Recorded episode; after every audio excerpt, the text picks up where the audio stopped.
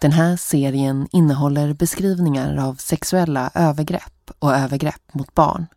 Känsliga lyssnare varnas.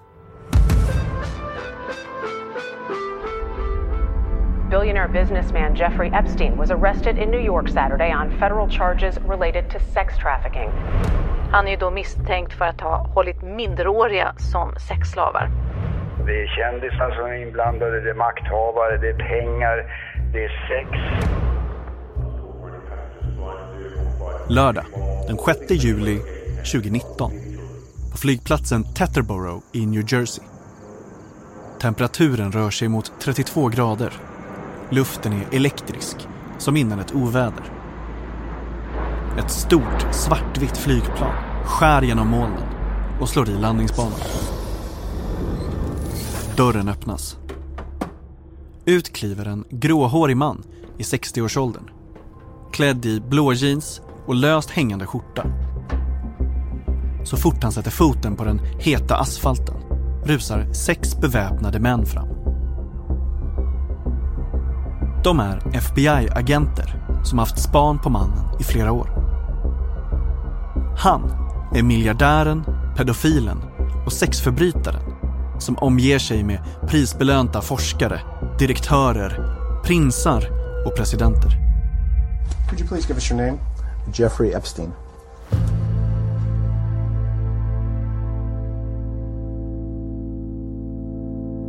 Du har säkert hört namnet Jeffrey Epstein förut. När han grips sommaren 2019 misstänkt för sexuella övergrepp och trafficking av minderårig sprids nyheten över hela världen. Amerikansk miljardär kan få långt straff för sexuellt utnyttjande av unga flickor. Då har han förgripit sig på unga kvinnor i flera decennier. Now it's believed he abused hundreds of girls around the world. Så drar han i sina händer längs min ryggrad och jag känner bara, gud vilken, ja han försöker, slempropp. And you know that there were girls from Sweden as well who were recruited? Yes. Jag heter Max V Karlsson.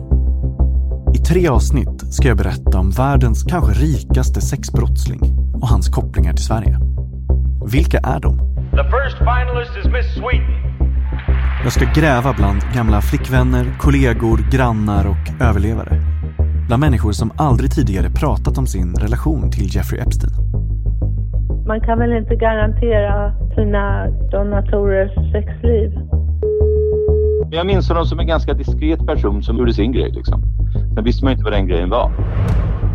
Anledningen till att svenskan är av intresse för de karibiska åklagarna är för att hon har själv varit tillsammans med honom under 80-talet. Jag ska följa Epstein och hans pengar till Sverige.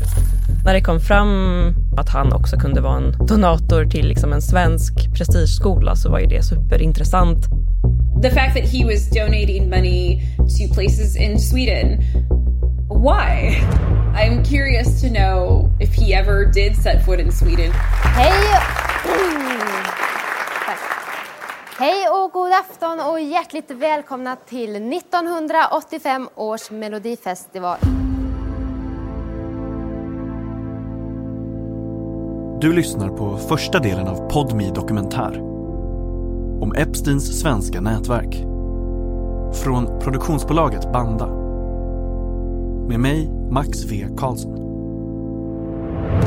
Frågan är ju vad alla kände till om honom innan och varför ingen gjorde något.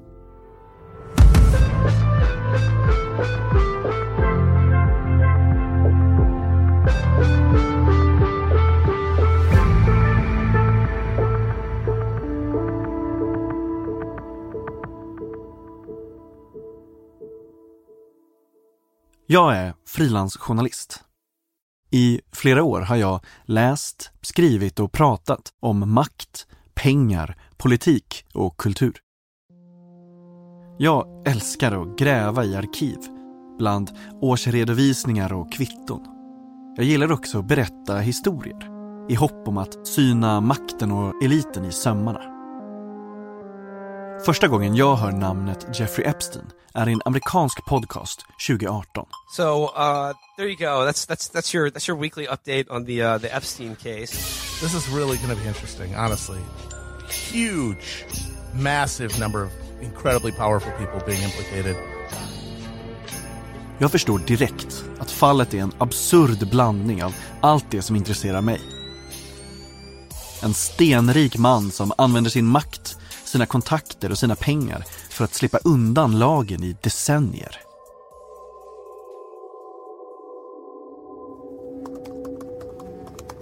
Sommaren 2019, samma sommar som Epstein grips, spenderar jag lediga kvällar, helger och flera nätter framför datorn.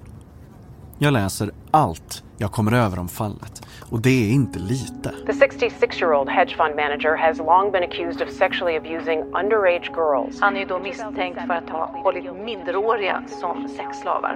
Epstein once counted President Trump and former President Clinton among his friends.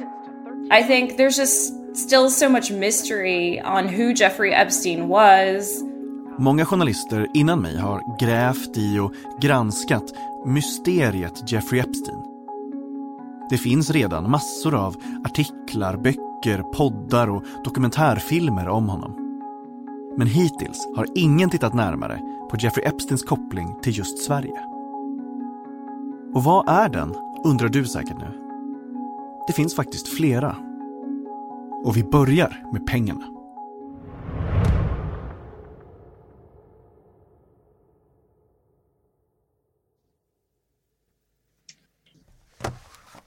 Hello. Hello, hello. Good morning or afternoon to you. Good morning to you. How are you? Jag började jobba med den här podcasten hösten 2021.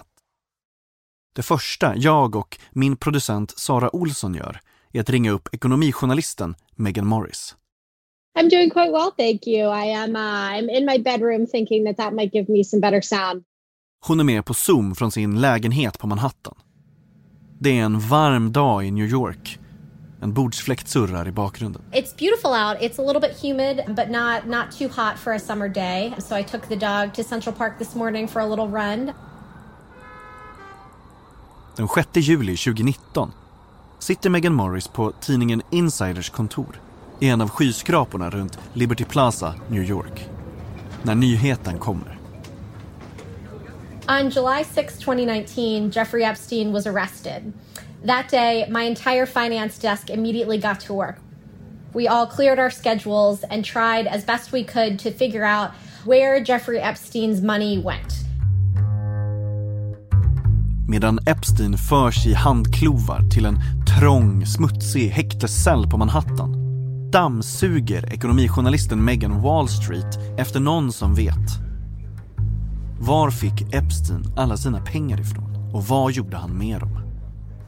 As a finance reporter, this offers perhaps the most mystery of, of anything in my career. Megan tror att man genom att följa Epsteins pengar kan kartlägga hans brottsliga verksamhet och hans modus operandi, tillvägagångssättet. I think it's critical to follow Epstein's money because it shows us what propelled him to fame and how he was able to stay uh, at the top of kind of the New York world. Megan har följt Epsteins pengar från investmentbanker i USA via hemliga stiftelser och fonder till konton över hela världen. Men aldrig till Sverige. I hadn't thought about the Swedish side even and, and all the Swedish connections. But I do think it's important big picture just to to trace these connections that these people had and hope that through our work that more pieces of the puzzle eventually come to light. Jag kan gå igenom, alltså för det är ju den där skolrankingen. Jeffrey Epstein var en känd filantrop som skänkte miljontals dollar till välgörenhet, politiska partier, forskningsprojekt och universitet. Så där har han listat. Här. Just det. På sina egna hemsidor skrev han upp många av donationerna. Jag visar min producent Sara Olsson en sån hemsida. Idag är den nedlagd, men jag hittar den i det som brukar kallas för internets arkiv, Wayback Machine eller Tillbaka-maskinen. Av de tio universitet och lärosäten som Epstein gav mest pengar till ligger nio i USA. Det är giganter som Harvard, Princeton, Stanford och teknikuniversitetet MIT i Boston. Men på plats nummer åtta finns en skola som sticker ut. Det är den enda utanför USA. Och det är en svensk prestigeskola.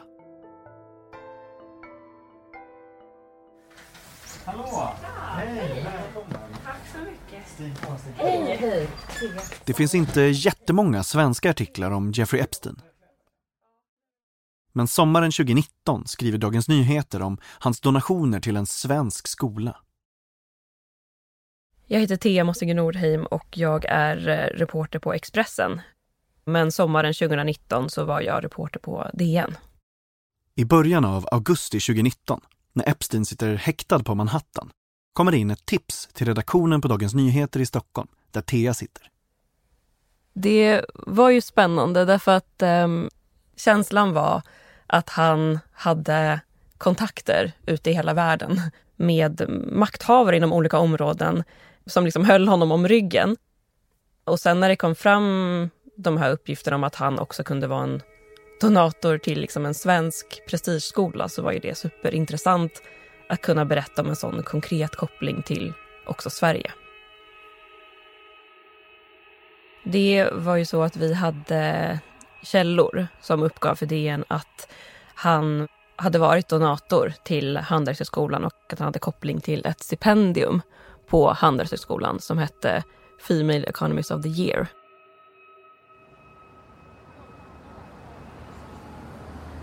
På Sveavägen i centrala Stockholm ligger Handelshögskolan. En stor vit stenbyggnad med en fem meter hög ekport. Bakom den har svenska affärsledare och makthavare utbildats och fostrats i över hundra år. Det är Handelshögskolan, Stockholm School of Economics, som listas på plats nummer åtta över Epsteins största donationer till universitet och lärosäten. Det är också den enda skolan på listan som ligger utanför USA. Så den första donationen är på 200 000 kronor. ProPublica är en amerikansk stiftelse som gör grävande journalistik. På deras hemsida hittar Millions of people have lost weight with personalized plans from Noom. Like Evan, who can't stand salads and still lost 50 pounds. Salads generally for most people are the easy button, right? For me, that wasn't an option. I never really was a salad guy. That's just not who I am. But Noom worked for me. Get your personalized plan today at Noom.com. Real Noom user compensated to provide their story. In four weeks, the typical Noom user can expect to lose one to two pounds per week. Individual results may vary. Say hello to a new era of mental health care. Cerebral is here to help you achieve your mental wellness goals with professional therapy and medication management support. 100% online. You'll experience the all new Cerebral Way, an innovative approach to mental wellness designed around you. You'll get a personalized treatment plan from a therapist, prescriber, or both in a safe and judgment free space. Your cerebral therapist or prescriber will outline a customized plan with clear milestones along the way so you can get to feeling your best. With Cerebral, you're not alone in your mental health journey. We're here to empower you to live a fulfilling life. So take that first step towards a brighter future and sign up today at cerebral.com slash podcast and use code ACasts to get 15% off your first month. Offer only valid on monthly plans. Other exclusions may apply. Offer ends July 31st, 2024. See site for details. årsredovisningar för flera av Epsteins stiftelser. Stockholm School of Economics står det här. Och det är den första donationen. Ja, precis. Den första donationen från Jeffrey Epstein till Handelshögskolan gjordes 2001 och den sista 2014. I årsredovisningarna kan jag se att Jeffrey Epstein donerat minst en och halv miljon kronor till Handels och stipendiet Female Economist of the Year. Och det, så det är bara de här två summorna som anges? Precis. Men mellan 2010 och 2014 är de exakta summorna på donationerna okända. Hur mycket pengar tog Handels egentligen emot från Jeffrey Epsteins stiftelse? Varför donerade han pengar just hit? Och vad är det för stipendium som pengarna ska ha gått till. Eh, och det står inte heller vad fonden heter som tar emot de här pengarna på Handels. Jag bestämmer mig för att försöka följa Epsteins pengar hit. För att göra det måste vi resa tillbaka i tiden. Till millennieskiftet.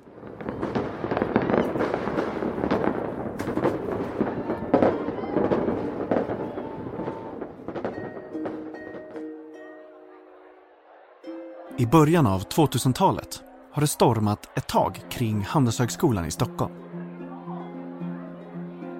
I media rapporteras att skolans kör sjungit sexistiska sånger när årets nobelpristagare kommer på besök. Från en så kallad herrmiddag har det tidigare rapporterats att manliga studenter försökt slita kläderna av en av servitriserna.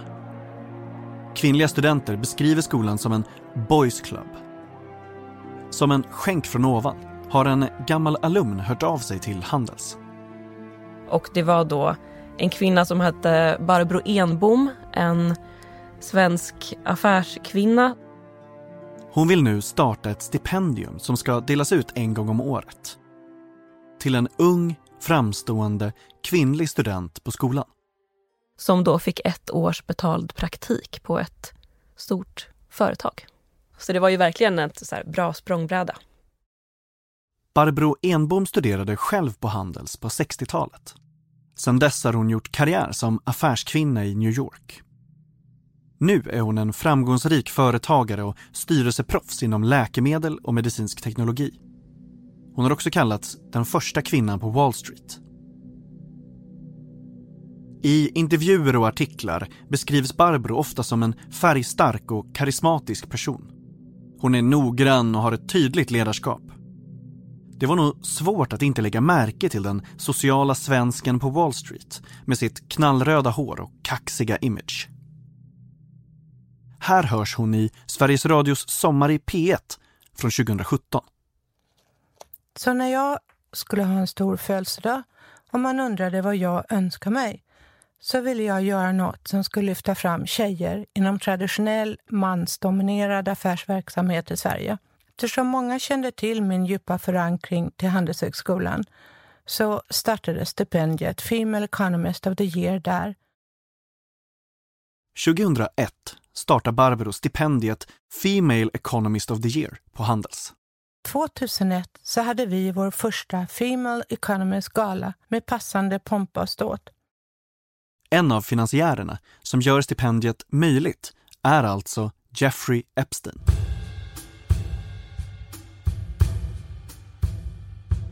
När det första stipendiet delas ut i juni 2001 är det nog väldigt få svenskar som vet vem Jeffrey Epstein är.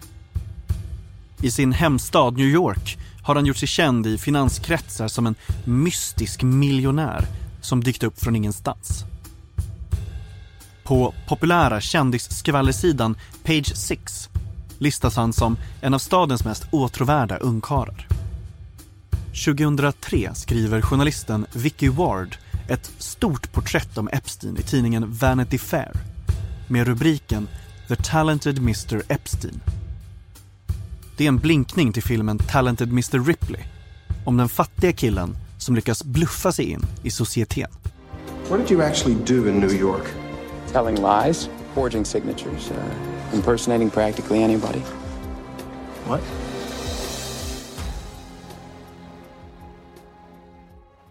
Men i artikeln nämns också att Epstein börjar göra sig känd som en man som älskar kvinnor. Många kvinnor, unga kvinnor.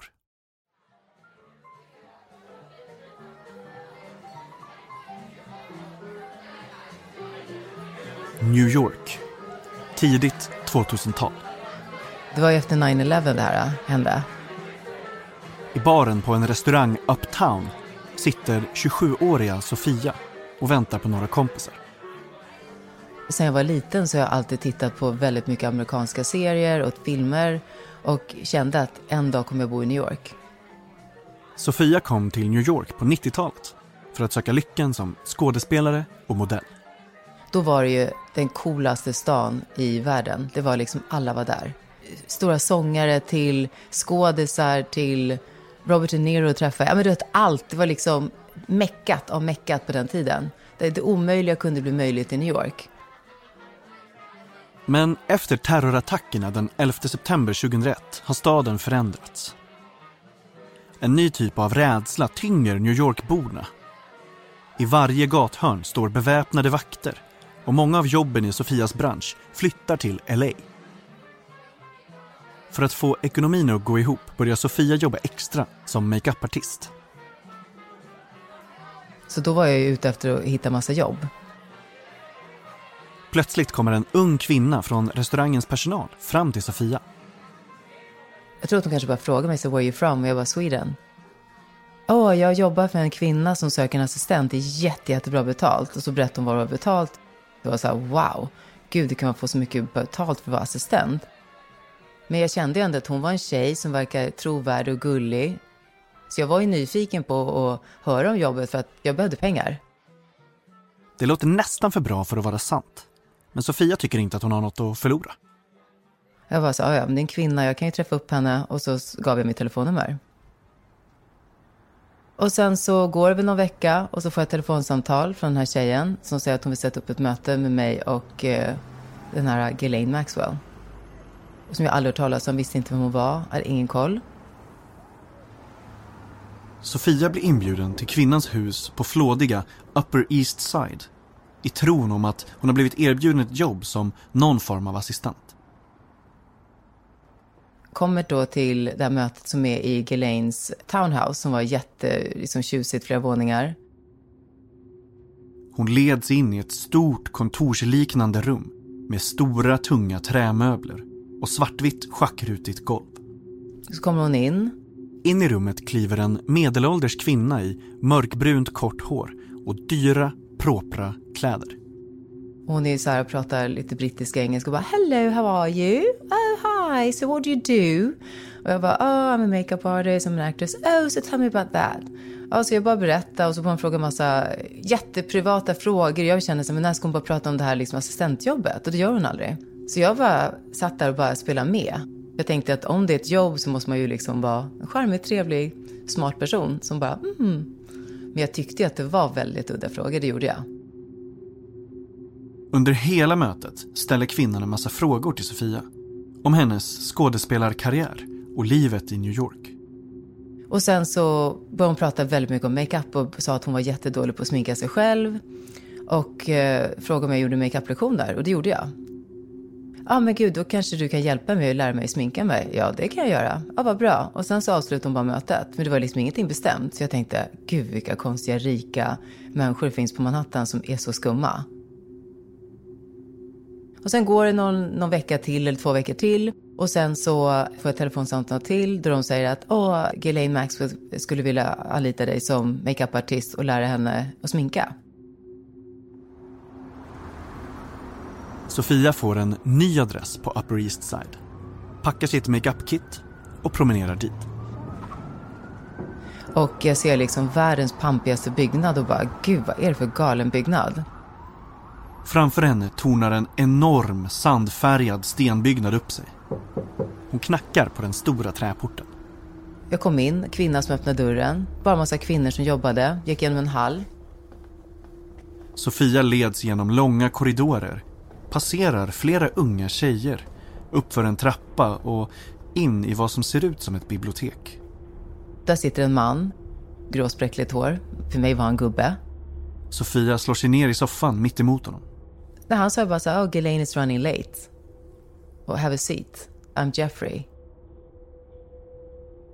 började ställa massa frågor och liksom vad som han intervjuade mig. Bara prata, prata. Jag började känna så här, vad är det här för konstigt? Det här är någonting som är så konstigt. Vem är han? Är det hennes pojkvän eller? Jag kände på en gång, någonting är lurt. Varför är hon så sen? Varför sitter jag och pratar med honom? Alltså han var ju, han var charmig. Man kände att han var intelligent, charmig, framgångsrik. Och han började prata om massage, han började fråga om jag hade ont i ryggen och det har jag. Men sen säger han till mig, har den här kiropraktorn du går till, har han gjort det här och det här greppet på dig? Nej, ja, men vet du, jag ska visa dig. Det är ett jättebra, det är jätte, jättebra det här för ryggen. Jaha, sa jag. Så ställer jag mig upp, han ställer sig upp. Och han pressar sin kropp mot min kropp. Så jag står liksom näsa mot näsa jättetajt mot honom och liksom mina bröst mot hans liksom bröstkorg. Så drar han i sina händer längs min ryggrad. Och sen trycker han till och visar så, det här är jättebra för ryggen. Så släpper han mig, så sätter jag mig ner på soffan igen och bara tänker, alltså dessa snubbar. Och jag kunde inte säga någonting, för det var ju bara att han skulle visa mig ett kiropraktorgrej för att hjälpa mig i framtiden med min rygg. Så det var ju vänligt, men såklart, jag kände ju att du ville känna min kropp. Sen helt plötsligt är han så här, ah, nu, nu är Ghislaine här. Så går jag ner i något typ av så här uh, dressing room med stora speglar, något makeup-rum-aktigt med, ja, så här fint. Så går jag in där och hon kommer och bara hello, jag bara hello, sätter upp allt min smink. Och så plötsligt säger hon till mig så här, äh, so hot in here. Och så börjar hon ta av sig kläderna. Så då tar hon av sig tröjan och sitter bara i en så här super liksom push-up bh, sexig push-up bh. Så jag liksom tänker liksom att Åh herregud, vad är detta? Alltså, vill hon ha sex med mig? Vill han? Är det någon trekant? Är de ihop? Letar de efter en ung tjej? Alltså, vad är det, detta? Jag spelar ju supercool. Jag låtsas som ingenting, som det var mest normala, att hon satt bara i sin bh. Så jag börjar min makeup-lektion och står där och liksom undervisar och hon liksom tittar knappt. Hon är helt ointresserad. Och jag liksom snurrar i mitt huvud så här, kommer han komma in här nu också och bara ta av sig kläderna? Vad gör jag då? Vad säger jag? Men kom han in i rummet någon gång? Nej, nej, han var inte i rummet. Men jag har ju hört nu efterhand att det var kameror överallt. Så jag, jag förstod ju då att det är klart att det var en kamera i det rummet också. Han såg och tittade på vad jag gjorde. 100 procent. Och hon säger helt plötsligt, ah, I think we finished, thank you so much, I, that's it, I don't need more. Och sen ger hon mig typ dubbelt betalt än vad jag hade begärt. Så jag går därifrån med mitt makeup-kit och känner bara, vad gör jag om de ringer mig igen? Vad ville de egentligen? Så hörde jag aldrig av dem mer. Sofia går därifrån med en obehaglig känsla i kroppen. Men det märkliga paret i det enorma townhouset hör aldrig av sig igen. Det ska dröja flera år innan Sofia förstår vem och vilka metoder hon har blivit utsatt för.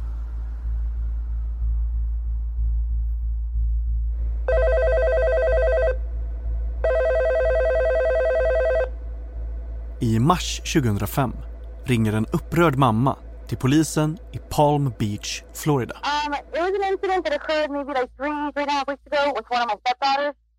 Um, Mamman har hittat 300 dollar i kontanter i sin styvdotters handväska. Hon är både orolig och rädd över att det ska ha hänt henne något. um, ended up being that they went to Palm Beach to a gentleman's house. Um, Flickan berättar att hon har varit hos en rik man i ett stort hus i Palm Beach. Att det är mannen som har gett henne pengarna mot att hon har gett honom massage. Polisen tar uppgifterna på allvar och startar en utredning. Well. När de gör det upptäcker de att det finns massor av unga tjejer som besökt den rika mannen i det stora huset. De flesta är under 18 år. Många är under 16. You're coming down. No problem. Uh, I asked you to come down. Flickorna kallas in på polisförhör.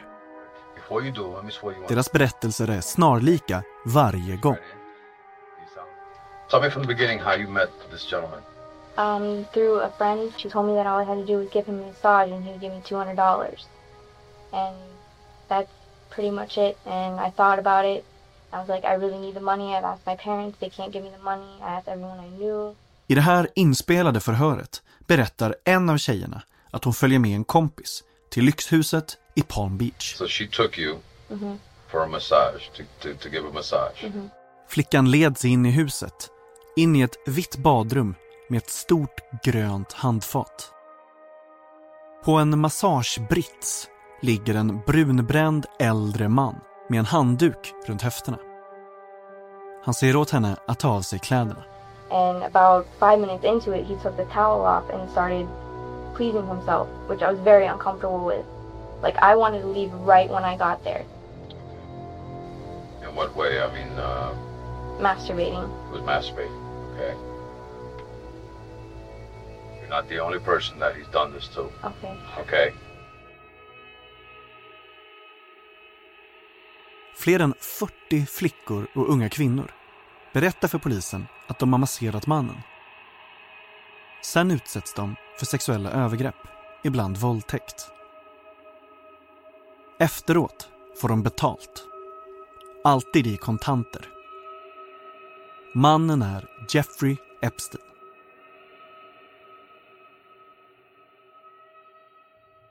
Hi, can you hear us? Yes, I can hear you. Um, can you hear me? Yes. Det här är journalisten Kate Brickeley. But could you just start like presenting yourself? Sure. Um, my name is Kate Brickelay. I'm a reporter with the Daily Beast in New York.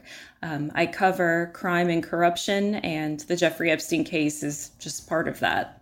För tidningen The Daily Beast har Kate rapporterat om fallet Jeffrey Epstein i flera år. He brings in underage girls or young women. He pays them for so-called, you know, massages, and then he pay- he pays these girls to bring in even more girls. So it's just feeding this insatiable need for him to exploit these girls. Poliserna i Florida chockas när de snubblar över vad som liknar ett perverst pyramidspel. Äldre tjejer får betalt för att rekrytera yngre offer. He preyed upon girls that came from broken families or who, whose families did not have money. He preyed on girls who had dreams of becoming, you know, dancers or actresses or models, singers, and he claimed he had the connections to help them. 2005 slår polisen också till mot Epsteins hus i Florida. De hittar nakenbilder på minderåriga, sexleksaker och tomma dvd-fodral märkta med namn på kända personer och unga flickor. I varenda ett av husets många rum sitter övervakningskameror som spelar in allt som händer. Polisen är nu helt säkra på att de har ett vattentätt åtal mot Jeffrey Epstein. Epstein riskerar livstidsfängelse för trafficking och sexbrott mot minderårig. Jeffrey Epstein went to jail just before 10 this morning. He pleaded guilty in open court. The prosecuting attorney would not say how many female victims there are. She would only say there was more than one adult victim and more than one underaged victim. 2008 döms Jeffrey Epstein till fängelse. Men han får inte livstid. Han får 18 månader. Vad ingen vet är att hans advokater i hemlighet har kommit överens med åklagaren om en deal. I efterhand har det kallats en sweetheart deal. På grund av den behöver han bara erkänna ett av brotten mot en av de här över 40 tjejerna. Därför får han ett lägre straff. Epstein spenderar bara 13 månader i fångenskap. Dessutom är han fri att lämna fängelset sex av veckans sju dagar på så kallad work release. Epstein received unbelievable leniency for sexually exploiting all of these underage girls. It's unheard of. Journalisten Kate Brickeley. Was it because of his wealth? Was it because he was able to hire, you know, some of the country's top lawyers, people who had connections within the Department of Justice? Were there other political forces at play? Aldrig tidigare och aldrig efter det här har någon fått en liknande uppgörelse för den här typen av brott i USA. Och sen helt plötsligt kommer då den här artikeln och bara Oh my god, shit. Hemma i sin lägenhet i New York öppnar svenska Sofia morgontidningen och sätter kaffet i halsen. Han har liksom blivit ditsatt för en våldtäkt. Då kände jag igen hela situationen, hur det beskrivs att det är tjejer som jobbar där, tjejer kontaktar, de är artiga, trevliga och sen så slår de till. Obehagligt såklart. Och jag kan förstå att man liksom blir så ställd för att han är väldigt professionell. När han pratar så är han väldigt trevlig, professionell. Han liksom, han fick ju mig att ställa mig upp också och såklart göra den där äh, kiropraktormanövern på mig. Trots sitt milda straff är Jeffrey Epstein nu en dömd sexbrottsling och en registrerad pedofil. Det skrivs om domen i amerikansk media. Jag läste varenda liksom artikel för jag blev så nyfiken med tanke på att då började jag liksom så här, oj, gud vilken grej. Och det surras i New Yorks elitkretsar. Han var väldigt framgångsrik, hade tjänat jättemycket pengar och byggt upp sig från ingenting. Ändå fortsätter Epsteins pengar att rulla in på Handelshögskolans konton innan, under och efter fängelsestraffet. A few steps, a smile, and a wave to the deputy at the door. We watched Jeffrey Epstein walk out of jail, but only his attorneys heard from him. Jeffrey Epstein släpps ut ur fängelset den 22 juli 2009. Epstein served 13 months of an 18-month sentence. Det råkar vara samma dag som århundradets längsta solförmörkelse. 6 minuter och 38 sekunder av totalt mörker. Epstein faces a one-year house arrest and must now register as a lifelong sex offender. Trots att Epstein kommit lindrigt undan är hans rykte skamfilat. Nu börjar hans väg tillbaka in i elitens värme. After he got out of jail, he had tried to rehabilitate his image as a philanthropist, as a supporter of the sciences. Det är som att Epstein försöker skriva om historien om sig själv. Genom att bli en frikostig donator för välgörande ändamål försöker han tvätta bort pedofilstämpeln. Han ökar nu sina donationer till välgörenhet, forskningsprojekt och lärosäten. Bara under 2011 donerade han pengar till Handelshögskolan vid tre separata tillfällen. Vad visste skolans ledning om vem de tog emot pengar ifrån?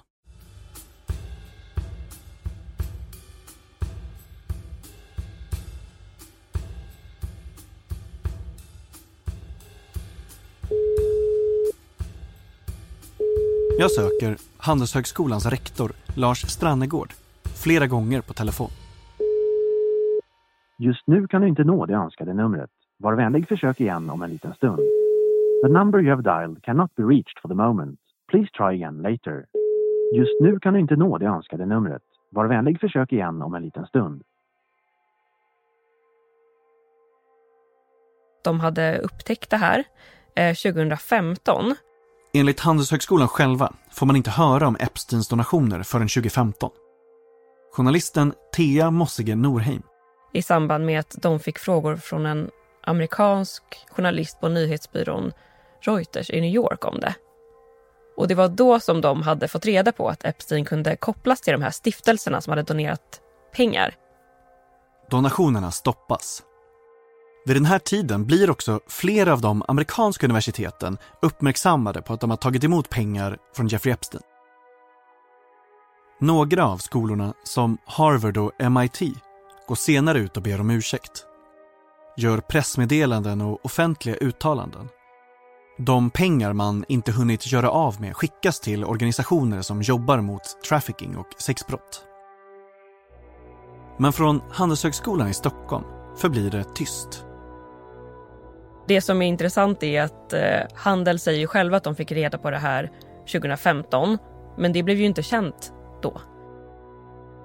Det verkar som att man hoppades på att kopplingen skulle förbli dold. Frågan är ju vad alla kände till om honom innan och varför ingen gjorde något. Vi hade ju källuppgifter om att det ska ha varit personer med koppling till eh, det här stipendiet och, och till Handels som hade kännedom om att Epstein var inkopplad. Folk ska ha vetat det här sedan 2005 ungefär. Thea säger alltså att hon har fått uppgifter om att skolans ledning vetat om att Jeffrey Epstein donerat pengar till stipendiet redan 2005. Jag...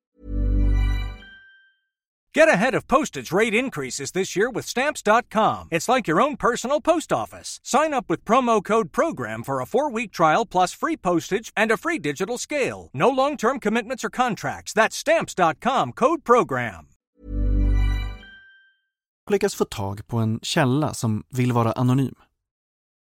Hen berättar att Jeffrey Epstein själv ska ha hört av sig till Handelshögskolans dåvarande rektor Lars Bergman.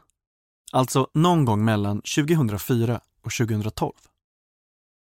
Epstein ska ha bett om att få skänka mer pengar direkt till skolan. Under samma tid som han utreds och döms för sina brott i Florida. Enligt mina källor blev det aldrig så. Vi vet inte varför. Men om det stämmer betyder det att skolans ledning har känt till att Jeffrey Epstein var en av finansiärerna långt tidigare än man vill ge sken av. Eh, Lars Bergman? Ja, hej, det här var Max Karlsson. Ja, men hejsan, hejsan. Ja, om jag får, får förklara lite grann. Den förra handelsrektorn, Lars Bergman, säger att uppgifterna om att Epstein ska ha hört av sig direkt till honom inte stämmer. Mm. Alltså, det har jag aldrig hört talas om. Jag når honom på telefon. Initiativet det kom då från Barbro Enbom och hon hade då enligt uppgift fått som, som 50-årspresent av, av sina vänner en eh, donation och sen också fortsatta donationer för att kunna inrätta ett pris på Handelshögskolan där hon då var gammal student själv som då skulle eh, stötta unga kvinnliga ledare. Och det var ett väldigt generöst pris. Och det, vet jag, det var ju en tid när dels var det mycket kritik mot Handelshögskolan för att det var förhållandevis få kvinnliga studenter och det var en stor kritik mot svenskt näringsliv i största allmänhet att det var så få kvinnor som, som kom fram. Men det var en väldigt ovanlig historia på så sätt att Handelshögskolan får ju väldigt mycket donationer av olika slag och ehm, det händer aldrig att en donator har någonting med själva verksamheten att göra. Nu hade ju, ju Barbro ingenting med Handelshögskolans verksamhet som så att göra men pengarna var hennes och hon hade ju en väldigt tydlig roll i att eh, vara med och utse de här stipendiaterna.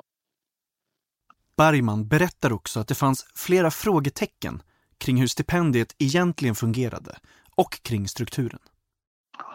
Alltså, kan vi säga, det var ju med viss, viss olust som man hade det där. Alltså, jag tyckte det var jättebra detta att stötta kvinnliga studenter och eh, det blev ju väldigt uppskattat bland, bland studenterna på Handels och ett återvärt pris och sådär.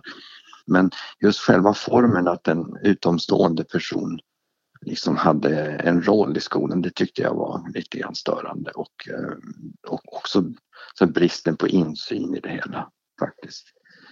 Barbro avslöjade aldrig vilka som var donatorer. Men jag tror att hon någon gång för länge, länge sedan nämnde Epsteins namn som då inte betyder något för mig. Ja, men alltså det viktiga är att det är alltså inte, hand, inte donationer till Handelshögskolan som det handlar om utan det var de pengar som kom in, de, det var donationer till Barbro och eh, hennes donation till skolan det var liksom det här priset. Barbro Enbom var den som grundade stipendiet. Vilken roll har hon i allt det här? Jag läser på Handels hemsida. Förutom betald praktik på ett creditföretag vinner stipendiaterna ett livslångt medlemskap i nätverket Barbros Best and Brightest, BBB.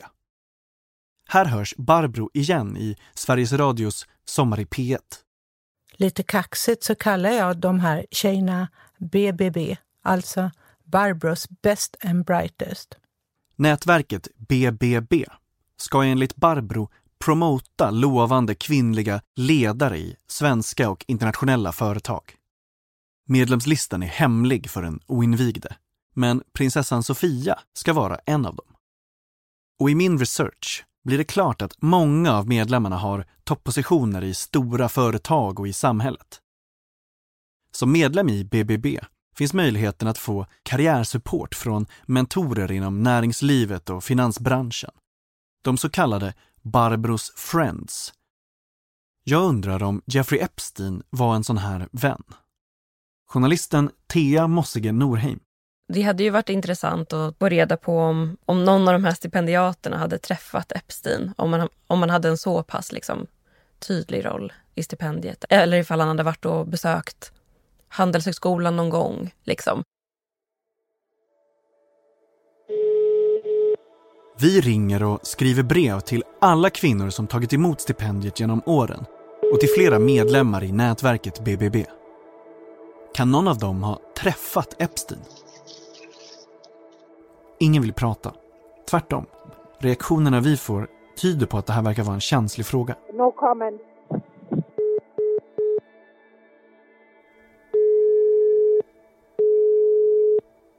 Hej, Lars Strannegård. Hej Lars. Jag Vi söker också Handelshögskolans rektor Lars Strannegård igen.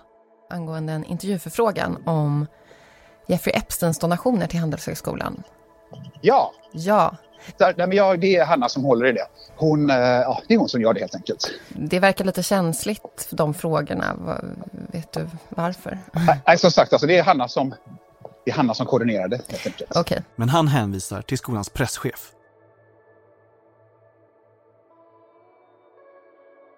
Jag möts av stängda dörrar och korta samtal. Varför vill inte Handelshögskolan prata med oss? Det börjar kännas frustrerande.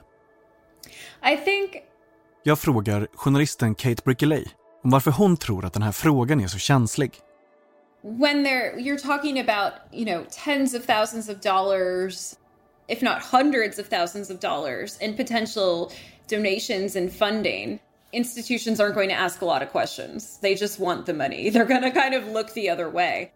But the fact that people are not apologizing or saying we didn't know or just speaking more openly and transparently about why they took Epstein's money, I think that raises questions. Did they know more than they let on?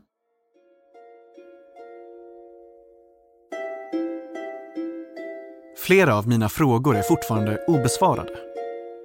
Exakt hur mycket pengar har Handels tagit emot från Jeffrey Epstein? Hur mycket visste Barbro Enbom? Har Handelshögskolans stipendiater träffat Epstein? Hur nära kopplad är han till nätverket Barbros Best and Brightest? Jag återkommer med mina frågor till Handels och Barbro senare i den här serien. Men det ska visa sig att Epstein har fler svenska kopplingar. Jeffrey Epstein is expected to appear in federal court in New York today. The disgraced financier is in jail awaiting trial. He is accused of sexually abusing dozens of underage girls, some as young as 14 years old. Tillbaka till sommaren 2019. På golvet i en cell på Metropolitan Correctional Center på Manhattan sitter fånge 76318054. Miljardären Jeffrey Epstein. Han är åtalad för de sexbrott han begick i Florida 2005 och för brott i New York samma tid. Hans gråa hår står på ända. Det är brist på rent vatten och han har inte tvättat sig. Dagsljuset når knappt in i byggnaden där han sitter tillsammans med 800 andra intagna.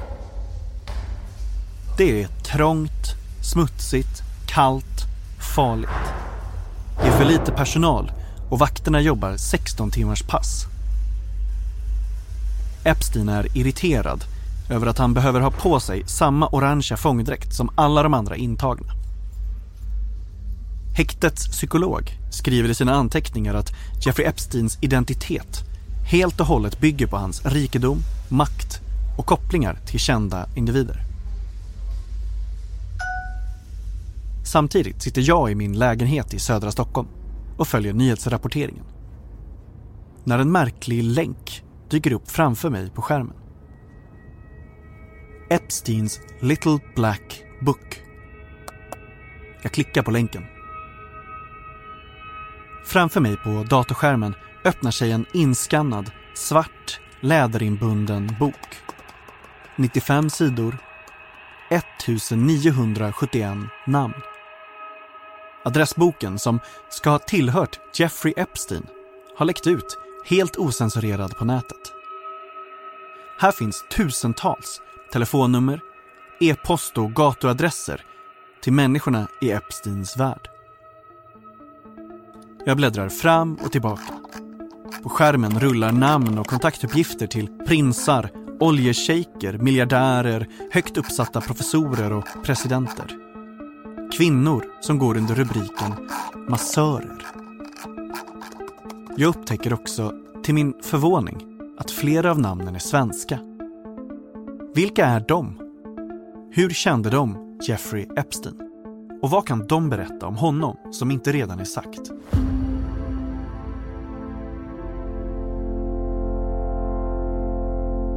I nästa avsnitt så tittade jag i hans eh, adressbok och då såg jag ditt namn och svenska nummer där så jag blev bara nyfiken.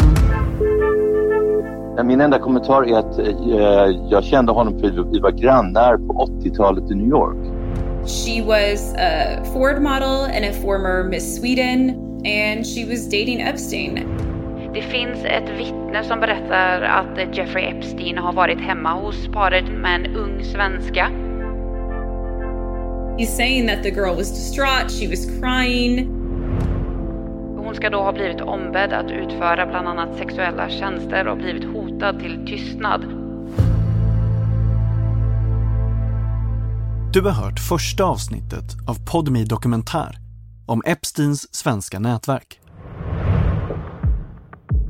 Vill du höra avsnitt två och tre kan du göra det exklusivt hos Podmi. Ladda ner appen och starta din gratisperiod nu.